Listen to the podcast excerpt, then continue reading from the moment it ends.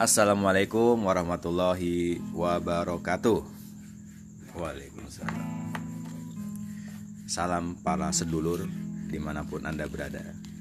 Kembali lagi di podcast gua yang asal-asalan tapi bermakna uh, bagaimana tinggal kita memanainya aja bebas ya kan gak apa sih ya artinya kita ingin mendokumentasikan obrolan-obrolan yang bisa jadi itu remeh-temeh. Tapi kemudian hari kita akan merasakan kerinduan obrolan itu. Kayak nih malam ini ya kan kita kedatangan tamu dari jauh. Bengkulu bang ya? Malang. Malang dari Malang ke Bengkulu. Dari Bengkulu. Mampir ke Jakarta ke Jagakarsa. Dalam rangka apa? Kangen kopi katanya. Kalau kena kopinya atung kurang afdol. nah padahal nggak tahu cara ngeraciknya gimana kan Jadi campur upil. Oke, teman-teman semuanya, kita akan mengobrolkan tentang uh, tentang seorang tokoh dan karya-karyanya. Salah satunya adalah malam ini tadi kita tanpa sengaja kita digiring oleh semesta untuk mengobrolkan tentang Muhammad Iqbal. Muhammad Iqbal ini nanti bisa kita bedah juga. Bang Lutfi katanya pernah mengkaji Bukan mengkaji sih. apa? ya? Gue tuh mengagumi Iqbal ya. Ketika gue kenal Iqbal Oh, itu, gitu. eh, ketika gue masa SMP. SMP dan Iqbal pun gue akhirnya eh, SMP tahun berapa tuh? tahun berapa gue lupa tuh pokoknya gue baca wah ini buku bokap gue jadi ketika gue baca itu bagus sih. Kok gue merasa kayak ada sesuatu di situ gitu. Oh, gue baca iya. terus gue baca terus gue baca terus. Akhirnya gue di situ ketemu gue tahu dia nih. Dia seneng siapa? Dia seneng Rumi dan seneng Lise gitu. Oh, ada kaitannya juga tuh. ada kaitannya. Gue carilah tuh Rumi gue cari tuh Lise kayak gitu. Dan sampai saat ini yang masih melekat di kepala gue itu pesan Iqbal hiduplah dalam bahaya. Sampai sekarang itu gue masih. Hiduplah dalam bahaya. iya Itu salah satu syairnya dia. satu syairnya dia yang gue masih ingat sampai sekarang gitu termasuk gue berutang pikiran juga terhadap Iqbal ya Hmm, Nah, utang sebelum pikiran kita ya. membahas Iqbal itu kita mengirim doa buat dia untuk Al-Fatihah ya Iya, untuk almarhum ya iya. oke kita mulai dengan Al-Fatihah Bismillahirrahmanirrahim. Amin ya rabbal alamin. Terima kasih Bang Lutfi sudah mengingatkan kita kepada spiritualisme yang ini menjadi adab atau ya seorang kalau di pesantren ya adab jadi santri kepada gurunya. Meskipun dia nggak nggak ketemu secara langsung tapi intelek eh, karya-karyanya intelektualnya bisa dirasakan sampai hari ini ya. Oke nanti eh, Mas Lutfi juga bisa menjelaskan tentang pengalamannya pengalaman spiritual dengan Iqbal dengan yang lainnya. Nanti Mas Handoko juga bisa menafsirkan eh, apa itu syair-syairnya Muhammad Iqbal. Sebagai pembuka saya akan membaca sekilas tentang syairnya beliau ya puisinya. Judulnya Manusia Modern. Cinta lari. Pikiran menggigitnya bagai seekor ular. Tak sanggup ia membawa dirinya menuju penglihatan batin.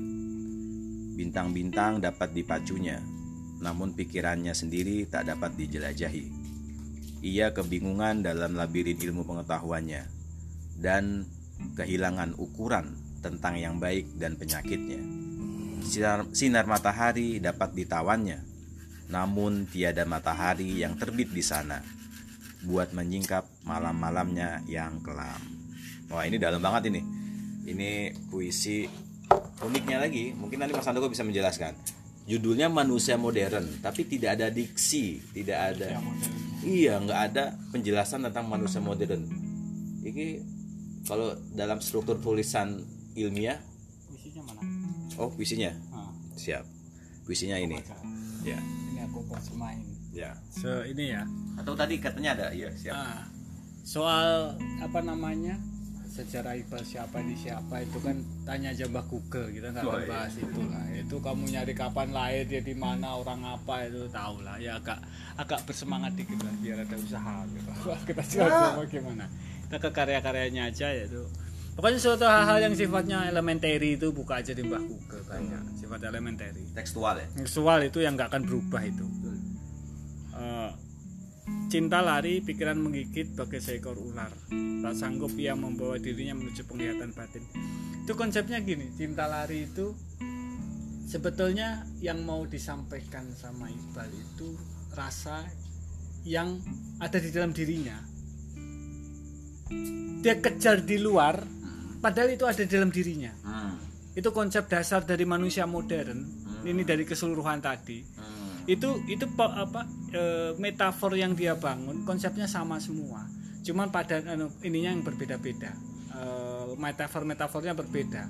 Cuman lebih detailnya nanti yang akan membedakan. Tapi konsep dasarnya manusia modern itu selalu melihat di luar lupa yang ada di dalam dirinya.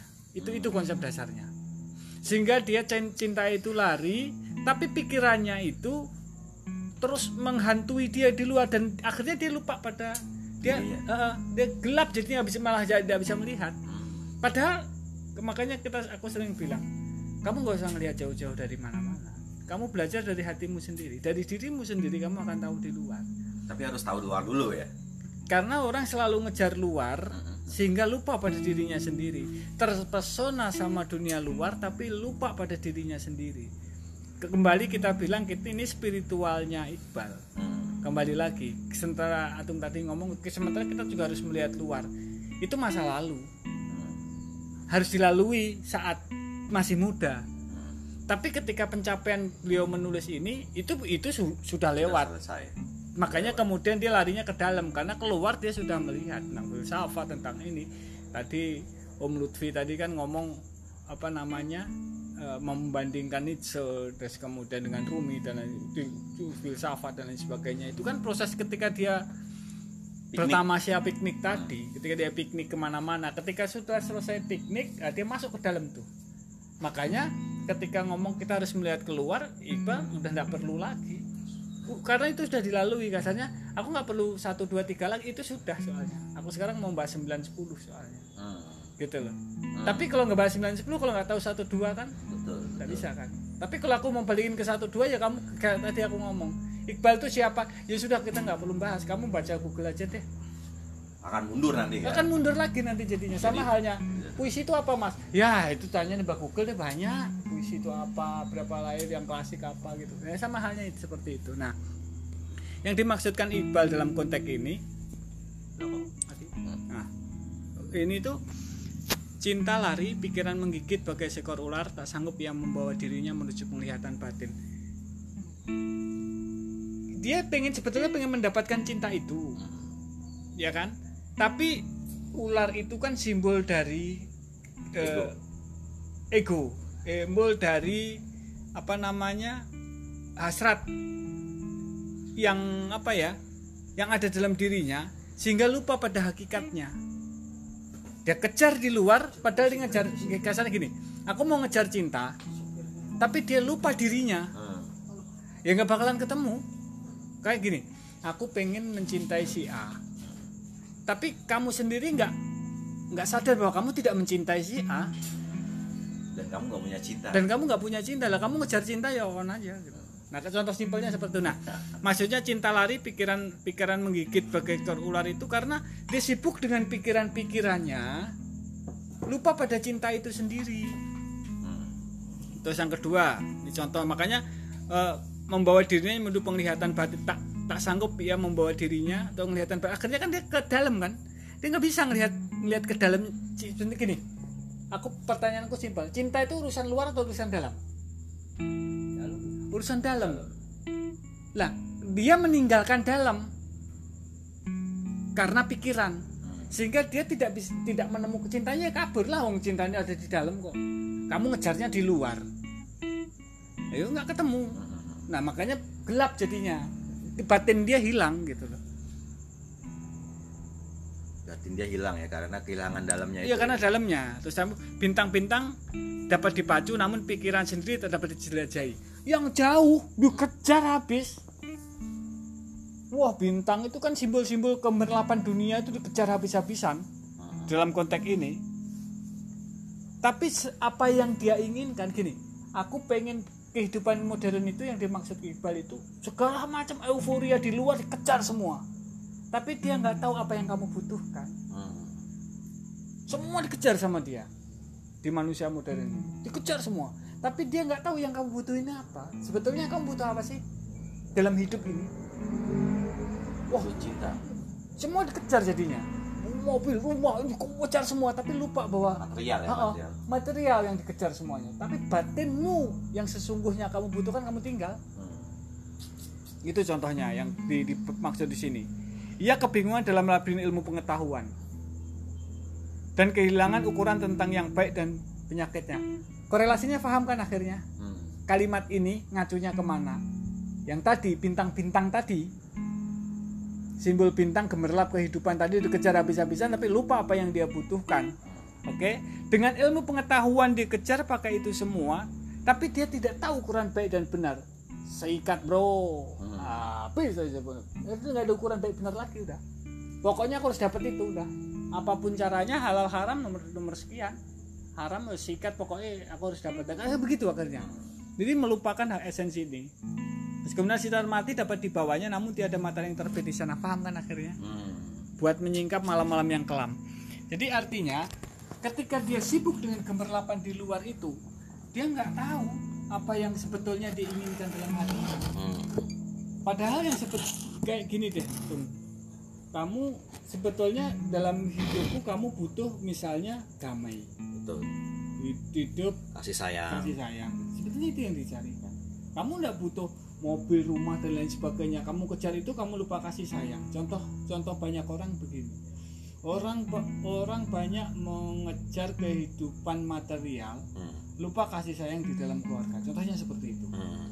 Anaknya apa pun aku oh, bapak aku kerja ini kamu eh, kamu ngerepotin aja gini ini loh kamu kerja buat siapa buat anak buat anak kan nah gitu kira-kira seperti itu dan anak Buat- pengennya kasih sayang Nah, orang akhirnya anak dijrokin aja butuh ini butuh ini butuh ini akhirnya kosong. Hmm. Seandainya kamu mengejar matahari, tapi matahari tak bisa tumbuh dalam hati.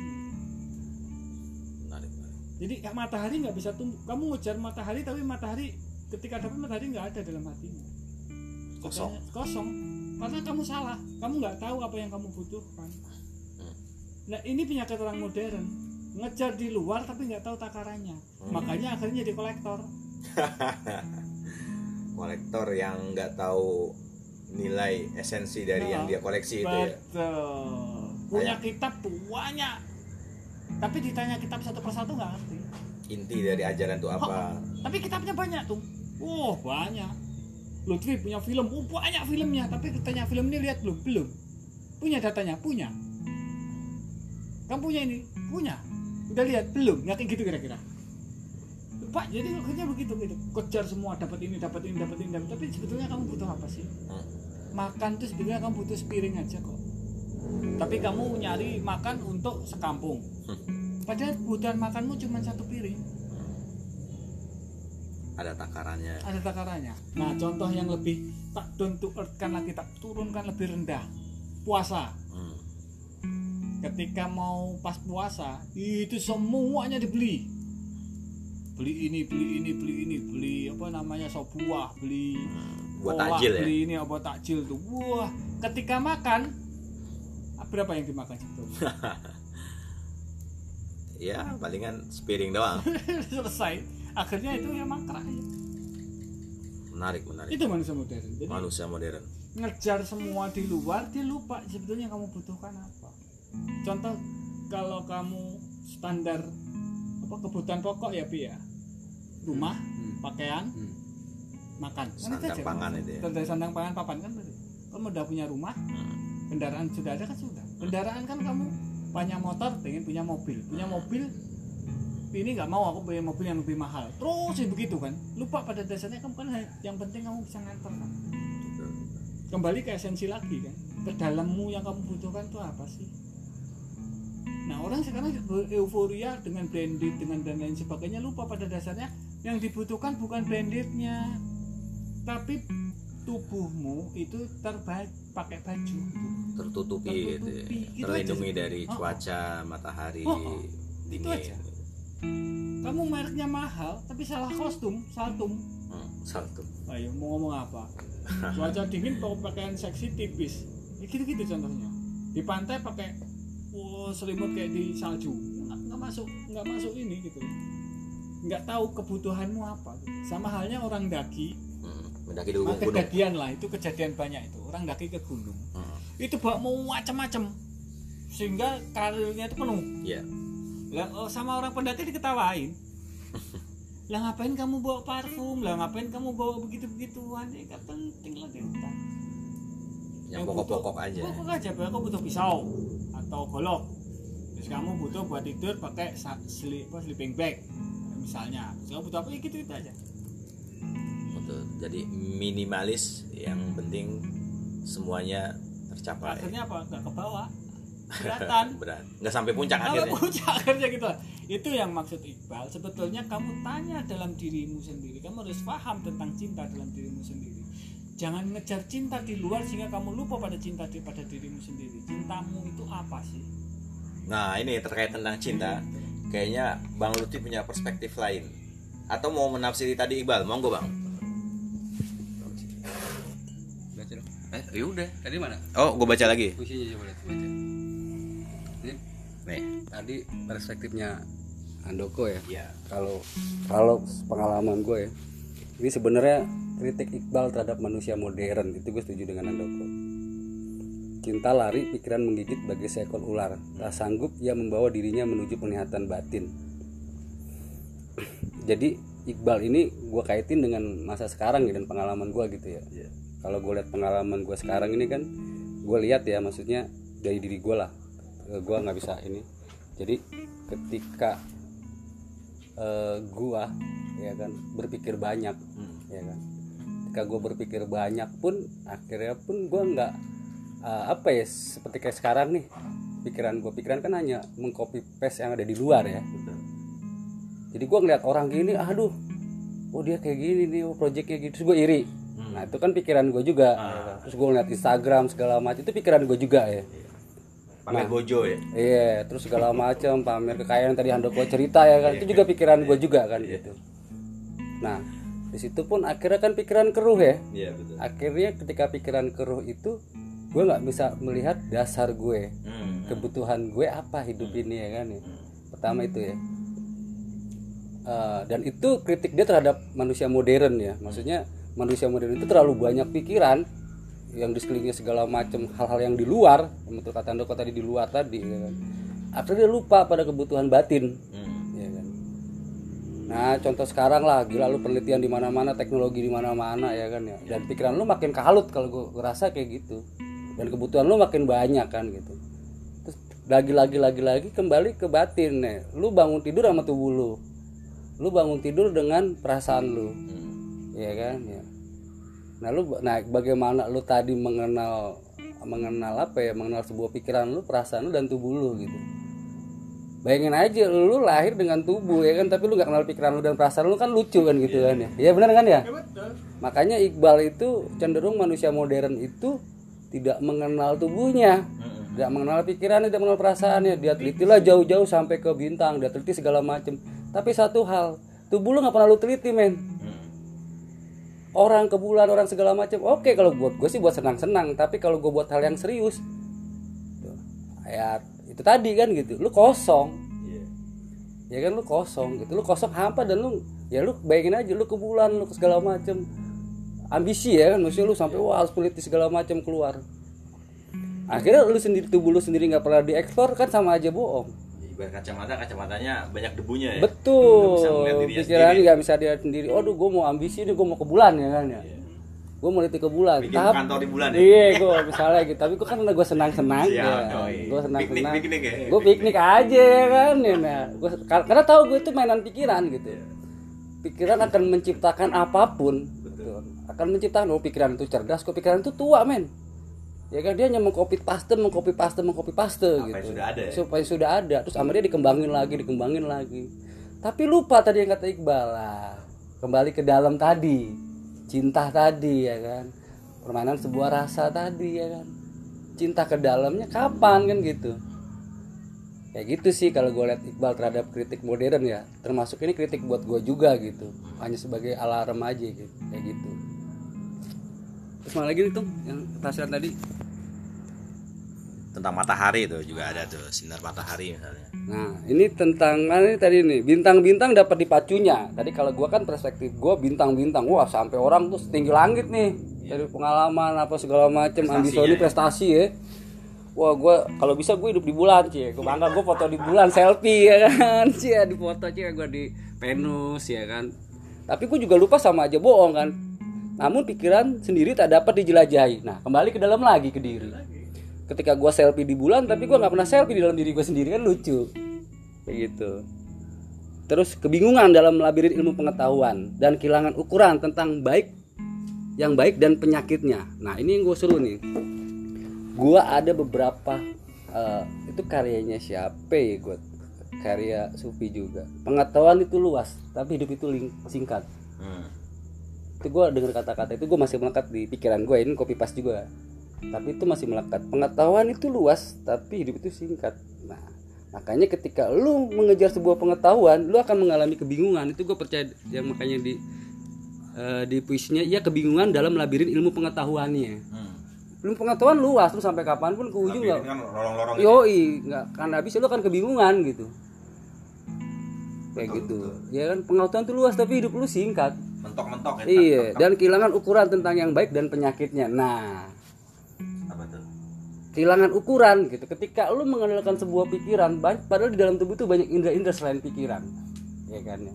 Ketika di dalam tubuh, ya kan ya. Jadi lu nggak tahu yang namanya antara baik dengan ukurannya. Contoh kecil gini, ketika gua kenal pikiran gua, ketika gua kenal tubuh gua, ketika gua kenal perasaan gua, ya otomatis gua kenal apa yang dipikirkan, apa yang dipikirkan gue, ya kan. Ketika gua mikir ini, oh gue begini. Terus gua ketika orang lain, orang lain juga menggunakan pikiran. Hmm. orang lain juga menggunakan perasaan. Ya kan? Di situlah akhirnya gue oh, kalau gue mukul handoko handoko marah nggak? Hmm. ya kan ya? Gue balikin lagi kan ya? Nah seperti itu. Gue mukul lu gue nampar lu deh. Gue ngedain lu lu marah nggak? Marah dong. Nah itu dia. Nah itu ketika gue kenal dalam diri gue gue kenal pikiran dan perasaan gue ya kan ya? Kita nggak akan melakukan itu ke orang lain. ah bener. Kayak gitu. Itu sih itu sih maksudnya ya dia kritik terhadap modern. Makanya orang-orang yang ber apa ya berandalkan dengan pikiran dia akan lupa ya ukuran tadi gitu. Rasional. Iya. Karena kan kita logika aja terbatas A dengan Z ya. A sampai Z doang kan kayak gitu. Nah itu dia. Itu kembali ke apa dalam diri lagi. Terpacu tadi itu ya. Iya. bintang-bintang terpacu ya. Nah, ini lagi nih. Sinar matahari dapat ditawannya, namun tiada matahari yang terbit di sana buat menyikap malam-malamnya yang kelam. Bayangin aja ya, namanya ilmu modern ya manusia modern dia menciptakan ilmu pengetahuan. Matahari aja bisa ditawan. Bisa bisa difiksikan ya kan ya? di capture ya Bisa. Namun tiada matahari yang terbit di sana buat menyikap malam-malam yang kelam. Nah, maksud gue tuh mata matahari yang terbit di sana itu matahari yang terbit di dalam, di dalam tubuh. Hmm. Ya kan? ya? sinar ya. Iya. cahaya cahaya. Nah, itu tadi. Jadi, kenapa Iqbal kritik terhadap manusia modern tadi? Karena kebutuhan manusia modern bergantung terhadap alam yang di luar, Hmm. ya kan? Dan alam di luar itu ilusi, men. Hmm. Iya kan? Alam di luar itu bakal hancur gitu, itu ilusi gitu. Bahkan pikiran pun naik turun dalam tubuh kita ya. Nah, tinggal kita memilih tuh. Pikiran, perasaan pun naik turun, semua naik turun, timbul tenggelam. Kalau kita perjalanan tadi ke dalam mengenal batin. Sedangkan perjalanan ke dalam batin pun kita harus mengenal pikiran, kita mengenal perasaan, kita mengenal tubuh kita itu ke dalam. Kita harus melewati itu itu itu itu itu itu. itu. Kalau eh, Iqbal pernah ngomong juga ke bahwa itu adalah debu ya. Pikiran itu debu perasaan itu debu jadi lu harus melewati dulu ke dalam jadi ya kita di luar kita bersih sapu segala macam tapi di dalam kita pun kita pun harus bersihkan tadi tuh kita minimal jangan bersihkan dong bagi gue tuh kenal aja dulu lah karena gue sebagai dasar jadi dasar banget jadi gue harus mengenal tubuh gue dulu aja gitu mengeksplor tubuh gue kayak begitu Hmm. itu sih menarik menarik Nah makanya itu itu juga bisa gua salah itu kan perspektif gua ya. Iya. Ya sebagai pendeng ya sebagai pendengar bisa cari lagi yang kata Mas Handoko itu bisa lu googling siapa Iqbal segala macam dengan perjalanannya dengan segala macam. Gue juga bisa salah gitu. Kayak gitu sih. Iya. jadi kalau di, di pesantren ya di pesantren dalam di pesantren misalnya dulu kita sering dengar dari kiai itu bilang ada sebuah unen-unen ya yang sangat masyhur. Dia bilang gini man arofa nafsahu arofa robbahu jadi barang siapa yang mengenal dirinya maka dia akan mengenal Tuhannya. Nah ini kayaknya ada kaitannya. Orang sekarang orang manusia modern dia pengen mencari Tuhan itu di luar. Dia ke masjid dia dia ibadah umroh dia ini tapi dia lupa mengenal dirinya bahwa Tuhan itu nggak ada di sana. Lu nyari ke Mekah di sono ya bangunan kota bangun bangunan megah-megahan aja itu tapi lu nggak tahu bahwa Tuhan itu ada di dalam hati kita gitu. Itu bisa gitu juga ya? Ya sama. Makanya cenderung yang apa karya-karya eh, Iqbal itu yang sangat-sangat spiritual. Dan benar ketika yang aku bilang tadi sebetulnya kerinduan itu menerjemahkannya seperti apa sih Hmm. Contoh simpelnya gini, kalau aku menerjemahkan lebih luasnya, terjemahan bebasnya. Satu, kerinduan itu kan sebetulnya ada di luar atau di dalam? kerinduan Hmm, kerinduan ada di dalam ya kerinduan ada di dalam. Hmm. Yang dirindukan di luar ada di luar. Oke ya, ini Oke, ini fix. untuk memahami lebih simpelnya punya Iqbal. atau di take down kan ke cowok rindu ke cewek. Nah, gitu ya, lebih simpel itu kan Iya. lebih lebih mudah ditangkap lah. Ah, Yang kita permasalahkan kerinduan itu kan adanya di dalam, mm-mm, objeknya di luar. mm-mm. ketika kita ketemu sama yang dirindukan bagaimana kondisi rindu kerinduan itu? Bergejolak ya? Si, ini si cewek Iya. ini cowok. Ah, ketika terpisah ah, rindu. Rindu. Oke dia ngejarnya keluar. Betul. Oke? Iya sebetulnya kerja di luar itu untuk apa? Untuk kepentingan apa? Yang di dalam. Yang di dalam kan pada dasarnya. Hmm. berarti kita harus mengenal yang di luar atau mengenal yang di dalam? Di dalam. Harusnya mengenal yang di dalam. Sehingga kita tahu yang kita rindukan apa. Misalnya cewek berarti aku berarti harus apa supaya aku bisa ketemu cewekku kan gitu. Dan, dan kan ketika begitu. ketemu uh, visi dan misinya tercapai gitu. Yang kita ketemu itu apakah masih ada kerinduan? Sudah enggak ya? Tidak enggak contohnya seperti itu. Tapi kan kamu tidak akan salah untuk mengejar kerinduan itu. Nah tapi ketika kerinduan ketika kamu ketemu kerinduan itu nggak ada. Paham nggak konteks ini? Betul betul. Gini lebih simpelnya gini. Kita ngomong rindu. Rindu itu ada karena dia di luar kan? Betul. Rindu ada di dalam. Maka aku rindu. Tapi ketika aku sudah ketemu di luar itu tek ada nggak rindu itu? Nggak ada. Nggak ada maka kenali rindumu bukan untuk perjumpaan ketika perjumpaan menjadi seremoni kamu kehilangan rasa rindu itu sehingga kata rindu itu hilang jadinya. Nah, sementara untuk memahami kerinduan ya memang harus berjarak seperti itu. Maka rindu itu berat karena waduh ada di dalam. berat ini berat Ah. ini berat ya Karena ketika kamu ketemu rindu udah nggak ada, Mm. hilang. Dan kata rindu itu udah nggak ada. Artinya kamu nggak akan rindu lagi. Nah, ketika di biasa dalam aja. itulah kamu memahami kerinduan itu. Contoh simpelnya seperti itu. Nah, sama halnya dengan yang tadi kamu bilang, kamu mencari Tuhan di mana-mana, padahal Tuhan tidak di mana-mana. Masukkanlah ke dalam batinmu. Orang ngomong selalu doa di atas gitu, tangan doa. Tuhan di atas gitu. Gimana Tuhan yang di atas? Kok ter- terbatas banget. terbatas Ada di mana, Mbak? Masuk ke dalam hatimu. Sama halnya ketika di Iqbal bilang, tanya pada dirimu. Di Rumi juga sama. Di Rumi Betul. juga ada. Di Rumi Tanya ada dalam diri hati, dalam hatimu. Si- Kalau di Rumi nyebutnya burung-burung terbang suatu saat akan pulang ke sarang. Itu ada di posisinya Rumi. oh gitu ya kalau di atar tuh simuk Hmm. simuk terbang Nah, ya kan burung-burung mencari sosok simuk jadi burung-burung itu terbang menjadi sosok simuk nih ya wah dari mana dia petualangan segala macam pas ketemu simuk ternyata simuk itu nggak ada simuknya apa? Simuk itu suatu burung kayak garuda. Oh. Atar ngomong gitu di Atar ternyata itu simuk tuh nggak ada pas gue cari-cari. Udah ketemu dia nih wah istananya simuk. Imajiner ya? Iya imajiner dia puisinya. Pas ternyata pas dia cari lah cuman gue doang sendirian. Ya gitu loh. Itu istilahnya gitu. Dia si Atar tuh simuknya gitu. Dan kenapa kayak tadi Iqbal Rumi dan beberapa tadi kayak Atar segala macam itu kan akhirnya kita akhirnya kembali ke dalam diri semua ya. Semua tapi dengan metafora yang berbeda. Andoko bukunya.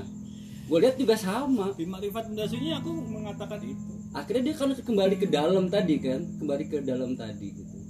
Dengan pengalaman dan metafor iya yang dia dengan, ya. dengan Ya, metafora betul. cara Handoko gitu. Dengan pengalamannya Handoko gitu. Pengalamannya Rumi pengalamannya Iqbal tidak sama ya kan? Tapi untuk perjalanan ke dalamnya tadi sama-sama apa ya istilahnya mengasih peta di dalam tubuh lu tuh ada sesuatu gitu. Bagi gue sih itu. Ada harta karun ya? Ada harta karun yang sangat-sangat bernilai gitu loh. Sama halnya kalau aku bilang begini seberapapun kamu tamasa kamu piknik ke mana-mana Hmm. maka pada titik akhirnya kamu akan pulang. Iya betul. Nah simbol kamu akan pulang itu bahasa puisiku hmm. Kamu menjelajahi semesta. Hmm. pada suatu titik kamu akan pulang. Hmm. pada kalimat bait itu akan bilang pulang itu bisa meninggal betul. bisa pulang benar-benar pulang Ke pulang ke dalam. hati kamu sendiri setelah kamu ke mana-mana. Pada titik tertentu ternyata semua yang ada di dalam luar itu ada di dalam hati kita. Betul. Nah kalau di dalam falsafah Jawa kita nyebut ada istilah kodok ngemuli leng yang harus kita bahas ah ya betul. Perspektif orang Jawa mikirnya begini.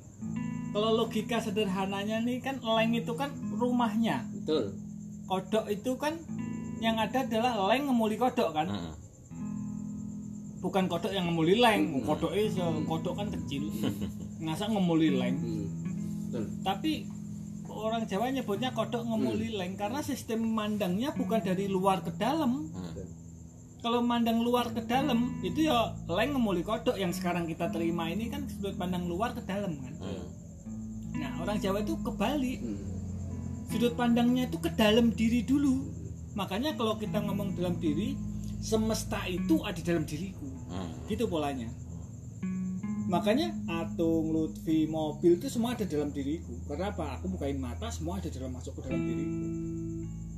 Gitu polanya. Bukan aku ada dalam diri diri Luar, kalian bukan luar. kebalik kalian ada dalam diriku jadinya Luar begitu kan dari luar mau ke dalam Iya, kan iya. Ya, sekarang aku tangkap semuanya Iya. Nah, dengan konsep itu diterjemahkan ke dalam eh, baik Rumi, Hmm. Atar, terus Hmm. eh, banyak pikir-pikir pemikir yang akhirnya pada titik konsep spiritual. Sebetulnya kamu nggak usah mencari Tuhan di mana-mana. Tuhan ada di mana-mana dan Tuhan juga di mana-mana. Kasarnya seperti sederhananya begitu. Kenapa ya pulanglah ke dalam dirimu. Kalau kamu pulang dalam dirimu, kamu akan menemukan Tuhan itu. Tapi Makanya ya, kalau di dalam yang kemarin kita kaji, kalau kita ngaji itu kan kita bilang untuk memposisikan Tuhan, maka posisikan dirimu sebagai hamba. Selagi kamu tidak memposisikan kamu sebagai hamba yang sesungguhnya hamba, kamu tidak akan pernah menemukan Tuhan. Bukan ego Mm-mm, Iya. nggak bisa. Kamu harus jadi hamba benar karena Tuhan itu posisinya ber- ber- bersabarangan sama hamba. Tuhan kalau kamu nggak sadar kamu majik, kamu nggak apa kamu apa pembantu, ya kamu nggak akan tahu Tuhan. Mm. harus ada jarak Harus eh, memang begitu. Selagi kamu mengaku dirimu bisa segalanya, kamu udah memposisikan sebagai Tuhan. majikan ya Ya kan, majikan kan ada masalah jadinya. Makanya kalau bahasa yang bilang yang kita kaji itu, ya jadilah hamba yang sesungguhnya hamba, kamu akan menuhankan Tuhan itu gitu loh. Dan untuk menuhankan Tuhan, jadilah kamu hamba, jangan mengambil sifat-sifat Tuhan di jangan diri mengambil kita sebagai diri diri kita itu udah udah ngaco itu. Nah, kayak sepertinya seperti makanya pulang ke dalam dirimu. ayo kita pulang yuk enggak ini kita pengalaman aja ya kok Iya, Gua iya. lebih pengalaman gue ya jadi ini pengalaman gue jadi secara pribadi gitu secara pribadi gue ketika gue udah bosen dengan hal yang di luar itu gue merasa apa kayak hampa gitu. Tuh ada karena di sebuah kerinduan gue pulang ke dalam. Betul betul. Gue yakin di semua orang itu ada Hmm. dia pulang ke dalam. Entah lewat cara metode spiritual apa pun lah. Betul. Ya kan ya. Itu pasti akan ada kerinduan di situ. Bagaimanapun ketika pikiran kita banyak pun pasti diadakan kerinduan Hmm. ya kan? Nah tadi nah kerinduan itu antara ditangkap atau ditangkap itu kan tergantung orangnya. Mm. kayak gitu. Ada orang kerinduan tuh di dalam yang paling sedalam-dalamnya. Bisa aja nyebut Tuhan atau atau gue nyebutnya the unknown lah. Ya, kenapa gue nyebut unknown tuh karena dia itu sangat luas besar. Tidak terdefinisikan. Tidak terdefinisikan tidak pernah terlakukan kayak gitu. Dan sangat dalam sekali orang Jawa punya tang keno kinoyo opo. Iya. kayak gitu. Maksud gua itu pasti. Pasti itu pasti. Selama lu jadi istilahnya manusia ya selama kita jadi manusia itu pasti kita ada kerinduan untuk pulang ke dalam diri kita. Mau kita pikiran sehebat hebatnya pikiran pasti dia akan pengen pulang karena ketika lu di luar lu mencari luar lu akan lelah ya begitu aja dia hancur pikiran menciptakan sesuatu benda benda itu akan hancur pikiran menciptakan suatu karya karya itu akan hancur begitu aja yang di luar itu ya kan? hmm. begitu aja hancur bangun hancur bangun hancur bangun hancur nggak kekal ya bangun. nggak kekal ya Ih, lu di luar lihat kayak gitu. Pasti ada perubahan. Lu ke kampung lu lah misalnya pulang. Nanti itu nanti kayak kita tua, dewasa lah ini orang udah tua. Dulu kita tuh muda. Gue balik lagi sih udah tua ya kan ya. Dan itu gak ada habis-habisnya tuh eh, pikiran kayak begitu. Tapi nah itu tadi pasti lu akan oh, gila lagi bosen banget sih beginian ya. Ah, gua ke dalam aja lah ya kan. Nah, gue rindu di dalam gitu. Terserah dengan metode apa pun bagi gue gitu bebas ya bebas mau dengan versi Islam dengan tasawufnya Buddha dengan esoterisnya kan ya serah dengan ya semuanya lah sama hanya gini Pi, yang hmm. manusia itu makhluk sosial. Yes, ya benar. Iya, betul. Tapi pada titik tertentu dia sa- sangat sangat apa ya? Pada titik tertentu dia akan menjadi seorang yang sendiri. Nggak bisa enggak spiritual. Ya manusia makhluk sosial ya? Hmm. tidak bisa dipungkiri. Akan bertemu dengan banyak orang. Tapi pada titik tertentu dia akan sendiri. Iya betul itu. Itu udah. Itu makhluk sosial. Karakter manusia makhluk sosial. Artinya tidak bisa sendiri. Tapi pada titik tertentu dia akan sendiri. Contoh ini kita ngobrol nih Iya. tiga nih oke tapi pada saat tertentu misalnya udah udah malam Atung udah di posisinya di masing-masing, kan? masing-masing. dan kesendiriannya kan ini contoh simple aja Hmm. kerja sama ke kantor luar rame pada saat pulang naik motor sendiri bercengkrama dengan dalam diri dengan pikirannya Iya karena pulang bareng ya. Iya. Tapi pada titik rumah ada keluarga. Tapi pada tertentu kamu mau tidur. Ya ada sih. Tapi kan pada titik terdalamnya kamu sendiri. Di samping ada orang. Kayak kita tidur dah. Kamu di sini, Lutfi di sana, gitu. aku di sana.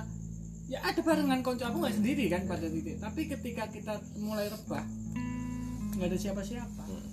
Menjadi- jomblo ya semua orang akan jomblo pada masanya ya Pada masanya.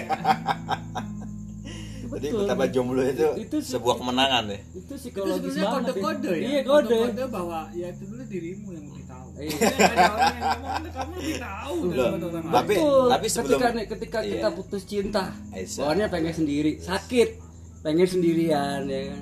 Jangan ekonomi memburuk pengen sendirian. Semua begitu itu tanda-tanda gitu bahwa aduh kangen pulang kangen pulang. Gue yakin semua orang kangen lo rindu pulang ke dalam dirinya. Yakin. Ya Tanda-tanda. dari perspektif dalam ke- keluarga misalnya ya. Iya. Itu juga akan akan punya impact gitu. Misalnya eh, seorang ayah yang eh, eh, dia ngantor dia akan rindu pulang ke rumah gitu ya. Nah pertanyaannya gini pertanyaannya. Bagaimana orang yang ini simbolis manusia modern bagaimana seorang suami istri yang akhirnya dia bekerja Hmm. siang malam bersama kantornya sama rumahnya juga sama. Itu punya efek nggak kerinduan itu akan terbangun atau atau malah malah pecah berantakan? Ya, justru ketika pecah berantakan itu ya jadi tanda bagi gue. Jadi ke- kalau gue sih melihat perspektifnya gini. Ketika rumah tangga hancur ini pengalaman gue juga nih Biasa. karena tadi gue cerita rumah tangga hancur ya kan. Kita keluar dulu keluar dulu ya ya Iya, kan rumah tangga hancur. Lu pasti itu itu kalau bagi gue itu tanda. Hmm. ada yang nggak ada yang nggak balance. Hmm, hmm. ya kan? Dalam diri gue misalnya dalam diri gue. Berarti ada sesuatu yang oke gitu nah itu. Jadi gue kangen. Waduh gue kangen sendirian. Gue kangen apa segala macem. Pulang itu apa tadi ya, ya? tadi pulang ya kan. Karena bagi gue ya kan ya 99% materi itu bisa dilihat. 99% ada materi yang tidak bisa dilihat men. Hmm. ya kan ya. Dan itu sudah ada temuan itu di dalam ilmu fisika itu ada 99 materi yang bisa dilihat ada 99% materi yang tidak bisa dilihat. Tapi ada? Ya ada gitu. Tapi tidak bisa dilihat gitu. Dan dan bagi gue makanya pasti ada kerinduan kerinduan tadi yang di dalam tadi Betul, gitu loh. Itu sih. Kalau kalau aku gini kerinduan apakah yang tadi orang suami istri kerja Hmm. satu kantor dan sebagainya aku bilang kerinduan itu manusiawi. Mm-mm. kerinduan itu alamiah. Alamiah ya? Iya Istilahnya betul begitu. setuju setuju. Jadi alamiah.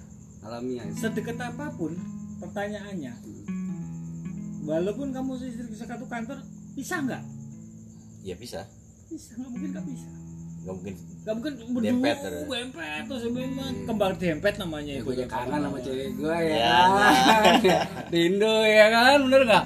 Gue aja kangen sama cewek gue ada kalanya dia pulang duluan nanti dia nyusul ada pulangnya itu alami gak sih? Alami kan ya? Alami. setiap manusia itu alami kadang-kadang orangnya ada tapi kan rindu rindu pengen masa inilah kamu gue setuju yang anda ngomong. Ketika ketemu orang itu biasa aja.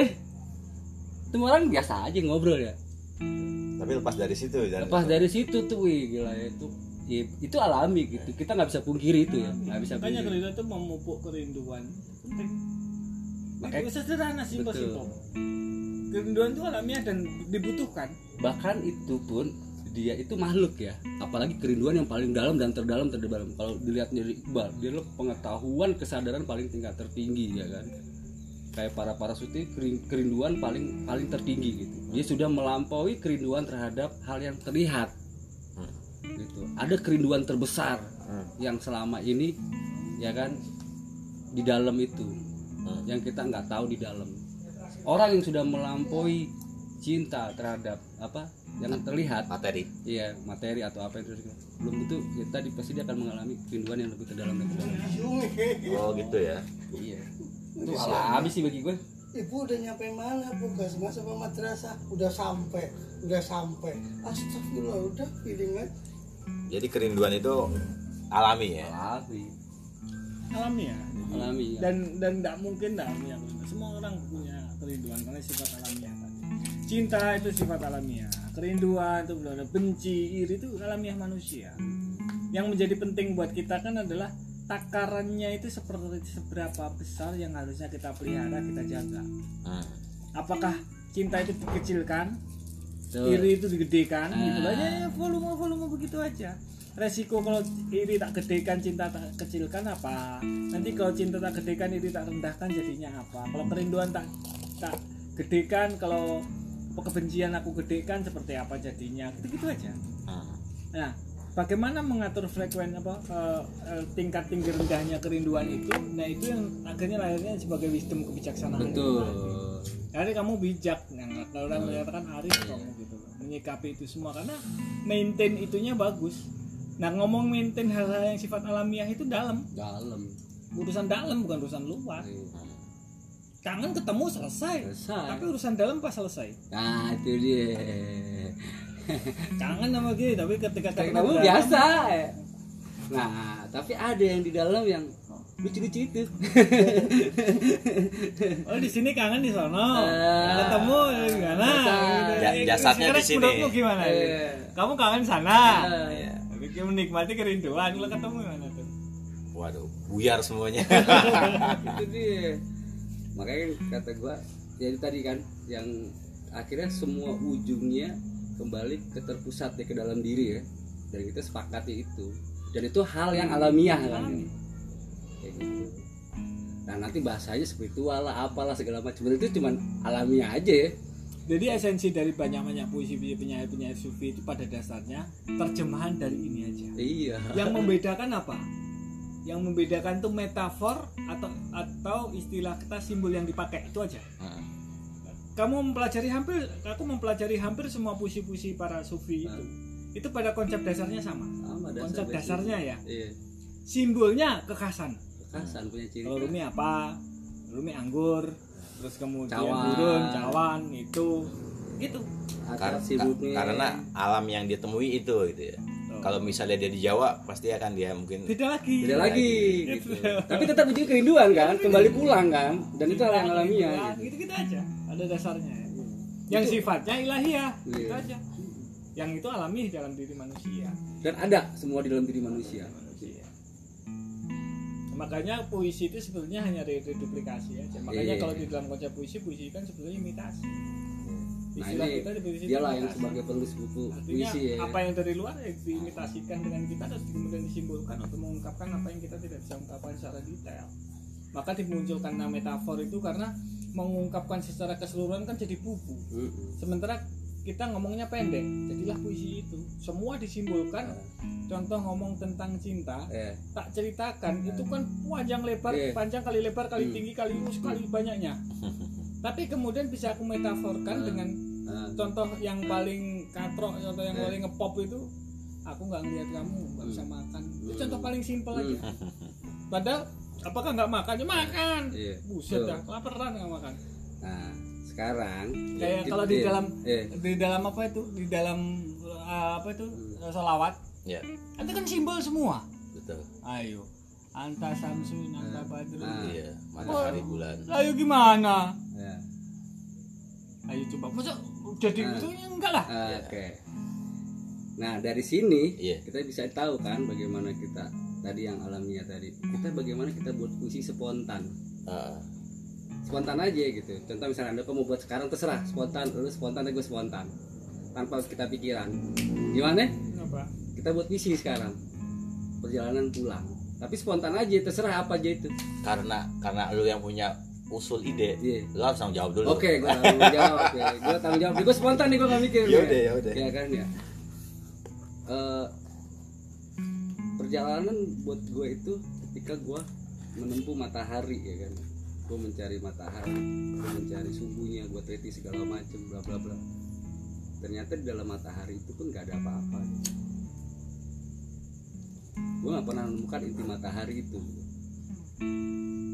Tapi ketika gue pulang ke dalam, gue menemukan inti matahari di dalam tubuh gue itu sendiri. Hmm. Spontan tuh ya, uhui. Tuh, puisi tentang matahari ya terserah bebas. Enggak, lu Pokoknya tadi pulang ke dalam ya. Mas Handoko Lu langsung spontan gak mikir kita. engkau adalah kendi yang di mana semua kendi akan membutuhkan cangkir yang dia tuangi air-air mutiara kehidupan. Oh. Soalnya lagi ngeliat kendi sih. Tanpa pikiran ya jadi artinya si kendi ini butuh cangkir. Sehebat-hebatnya kendi kalau nggak ada cangkir dia ya nggak ada kodratnya harus dia ada kerinduan yang akhirnya tertuang isi unek-unek si cang, cang- eh, candi dan cangkir dan ini bola bola gila Iya, spontan ya. Mas Handoko monggo mas kalau aku mulai puisi-puisi aku puisi klasik semua Enggak, ini spontan aja yang sekarang Iya. aja. Iya. ini puisi Nggak apa-apa. klasik semua berjalanlah kamu melintasi segala arah berjalanlah kamu melintasi segala medan tapi pada akhirnya kamu akan rindu yang namanya pulang waduh gitu aja Penulis puisi langsung spontan bisa deh. Suhu ya, suhu ya. Tanpa berpikir ya kan. Iya kan ya. Ya karena nggak bisa kita kita kan begitu aja udah Iya. Tadi kan Iqbal bikin puisi, kita pun bikin puisi, ya kan? Karena tema kita kan puisi, bener gak? betul betul Tuh. Sejauh- sejauh-jauhnya kita melangkah kita akan kembali pulang Yo, Iya, saya bilang ngomong pada dasarnya gitu. betul. jadi kapan Mas Handoko pulang kampung ke Madiun Nah, kayak kayak satu contoh. Ini kalau kalau kita mengematin ya sebetulnya apa yang kita sampaikan itu sebetulnya identik dengan apa perjalanan-perjalanan kita. Aku selalu bilang tentang arah, aku tentang tentang namanya pulang, aku ke Medan dan lain sebagainya kan sebetulnya pilihan-pilihan yang pada dasarnya ketika dicari di karya-karya kita akan ketemu kata-kata itu terus. Aku kata Medan aja aku aku di Padang Kurusetra aku menggunakan kata Medan Hmm. arah di Padang Kurusetra aku juga ada di Marifat Bunda Suci yang ngomong arah itu Hmm. banyak. Artinya sebetulnya idiom-idiom yang aku pakai itu sebenarnya itu itu aja. Makanya sama halnya ketika kita membaca karya-karya Rumi. Nah eh, gini satu contoh. Eh, banyak hal yang kita harus hati-hati membaca puisi terjemahan. Nah, itu. Hmm. itu aku bilang. Hmm. kenapa? Terjemahan itu sudah orang kedua. Betul, yang bagus itu sebetulnya mempelajari puisi aslinya betul. dengan bahasa aslinya dengan bahasa aslinya karena ketika menerjemahkan itu sudah ditafsirkan ya betul. makanya yang kita butuhkan loh tapi kan aku nggak tahu bahasa sekian banyak puisi dunia buset aku harus hafal puisi dunia enggak tapi kamu butuh pengetahuan terjemahan penerjemah penerjemah mana Betul. yang mempunyai kualifikasi bagus Betul. untuk menerjemahkan puisi Betul. ini puisi ngomongnya soalnya karena Iya. kadang-kadang puisi itu tidak semudah kita menerjemahkan novel Betul. Ada idiom-idiom yang diterjemahkannya itu aneh. Ambigu jadinya ya? ambigu jadi ketika diterjemahkan langsung. Harus dicari padanan di kitanya. Ingat menerjemahkan puisi menerjemahkan sastra itu menerjemahkan kebudayaan dan pikiran. Bukan menerjemahkan kata per kata. Makanya ketika orang menerjemahkan puisi kata per kata kita jadi kok puisinya aneh ya? Makanya kita kan nemuin kan betul.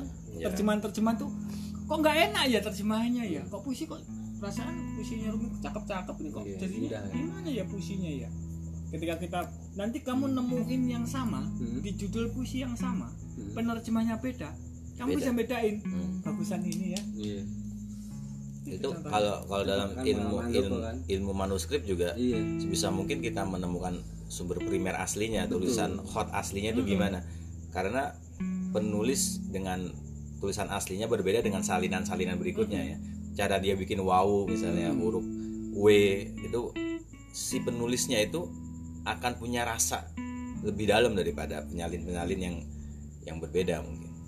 Contoh simple tadi kita kembali yang kita bicarakan. Kita ngomong langit tadi apa? Samawat samawat kalau kita diterjemahkan langit aja hmm. kan nggak dapat ruhnya? Iya betul. Art kita terjemahkan bumi nggak ketemu ruhnya tapi kalau kita melakukan pendekatan bahasa Arab ketemu ternyata samawat itu jamak ruler.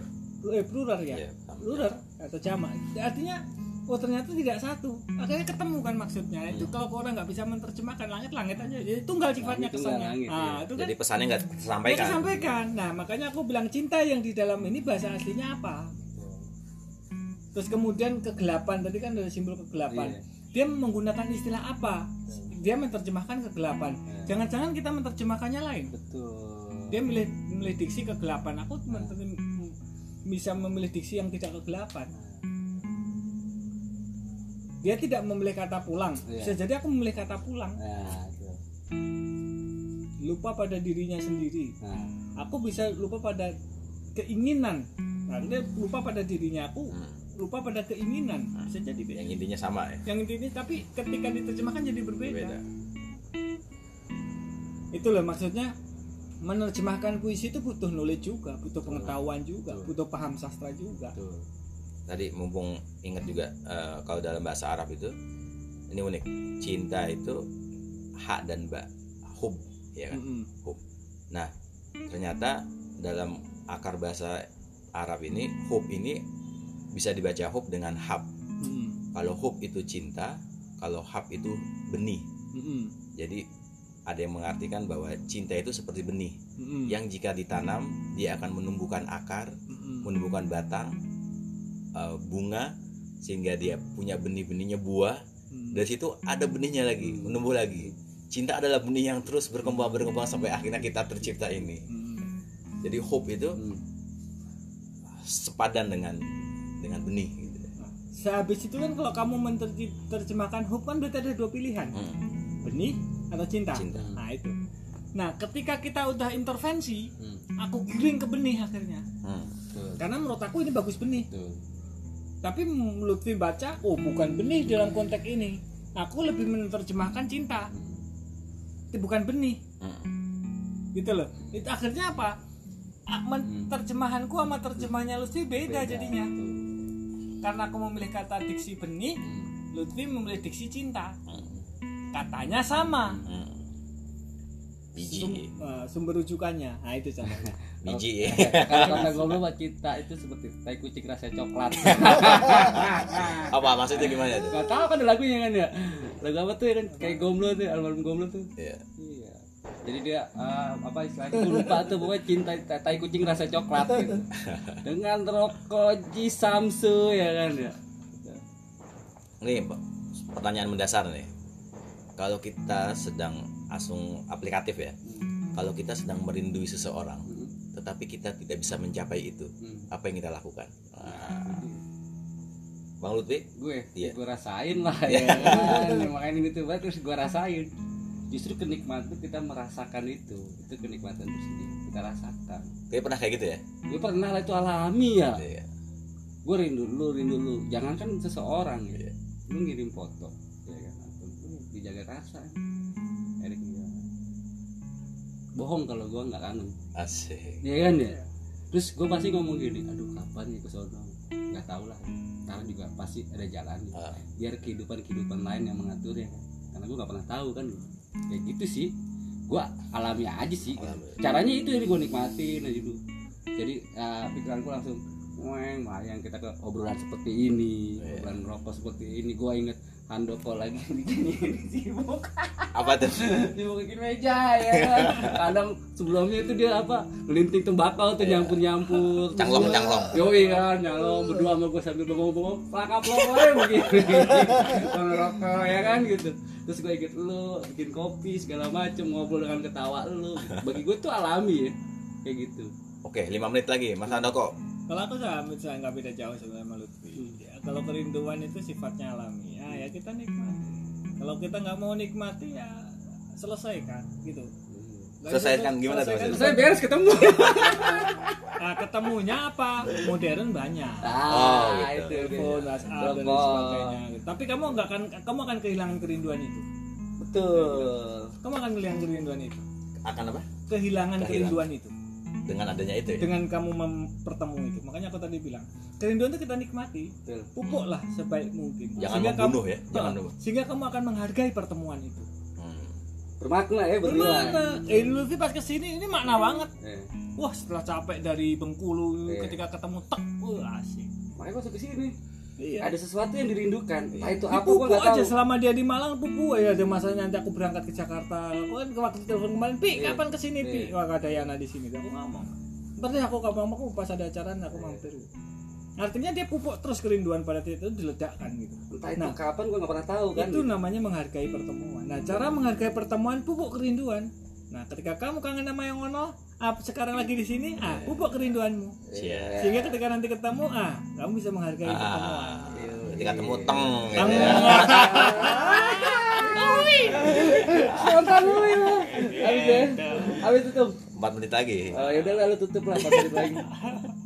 Jadi gitu ya bahwa kerinduan itu alami. Ya ini satu lagi Oh. satu lagi. Mas Anto. Sampai kangen des opo sampai tadi anak sampai telepon ini loh. Yo sampai rindu ora iya rindu ya Ya, Kangen. ada ada sampai nih mas Yo. sampean sampean kurang tahun gak ketemu Udah setahun. setahun rindu gak Ya iya. Oh rindu, dipupuk lah rindu sampai dia telepon. Nanti pas pulang lebaran, ah, nah, itu. cara dia memupuknya bikin tanaman bener Oh, kemarin kita diajak Ah, uh, ngelihat mekarnya bunga apa ah. Wijaya Kusuma. Wijaya Kusuma waduh dengan aromanya ya kan itu dia. wangi ya, Wangi. wangi banget. Nah, makanya itu.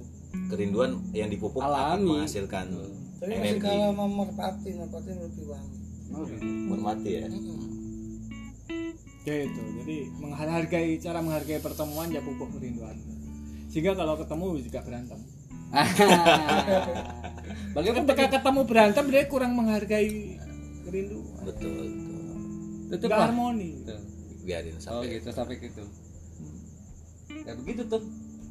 Jadi kalau orang ketemu berantem, ah ini masalahnya. masalah Dia tidak bisa menempatkan kerinduan pada posisi. dia menyalahi kodrat ya Hmm, dia lebih mau memupuk iri, kebencian. Padahal mah sama aja. Hah? Sama aja lu mau iri pun ya. Yang Ya, sakit diri lu sendiri. Sendiri. Yang iri ya yang sakit yang- diri lu sendiri. Sendiri, betul. Beda sama cinta kan ringan. Iya. Au au au. Kayak kapas. Tapi kalau ini kan aduh, aduh beban asuh ketemu orang tuh benci aja apa aja disalahin Apalagi salah. iya ketika lu memupuk iri ketika lu memupuk dendam semua hal yang benar yang di dia benar itu semua akan salah, salah. tapi kan yang yang sakit siapa yang iri iya Yang dipupuk diiriin mah iri, nyantai-nyantai aja ya. iya yang nggak diri mah santai aja dia orang-orang main kopi wah apa kayak gitu aja main ya. layangan. Ya kan ya? Kayak gitu. Jadi tuh rugi ya iri sama orang ya? Rugi ngapain? Iya kan? Berat-beratin badan ya? Berat-beratan pikiran. Kagak ringan yang ada lu si sopren. Bisa gila kita ya kan ya. Jadi bagi gua tuh ya tadi rugi lah. Kalau kita iri dan dendam dengan seorang karena aduh sakit batin yang di dalamnya. ya. Sudah 59 menit satu menit lagi kita akan selesai. Terima kasih obrolan yang sangat bermutu dan berisi oleh Mas Andoko Bang Lutfija Mas Anto dan semesta-semesta yang sebenarnya itu sudah menggiring kita untuk pertemuan ini gitu ya. Jadi setelah pertemuan ini bukan berarti rindu kita selesai gitu. Justru abis ini malah tambah rindu ya kan. Yang penting Kita jangan lagi Kita- lagi. kita menghargai pertemuan ini Betul. makanya Jadi, bikin podcast buat kenang-kenangan suatu saat kita akan mengulang lagi kerinduan ini dan jangan sampai punya kebencian. Terima kasih.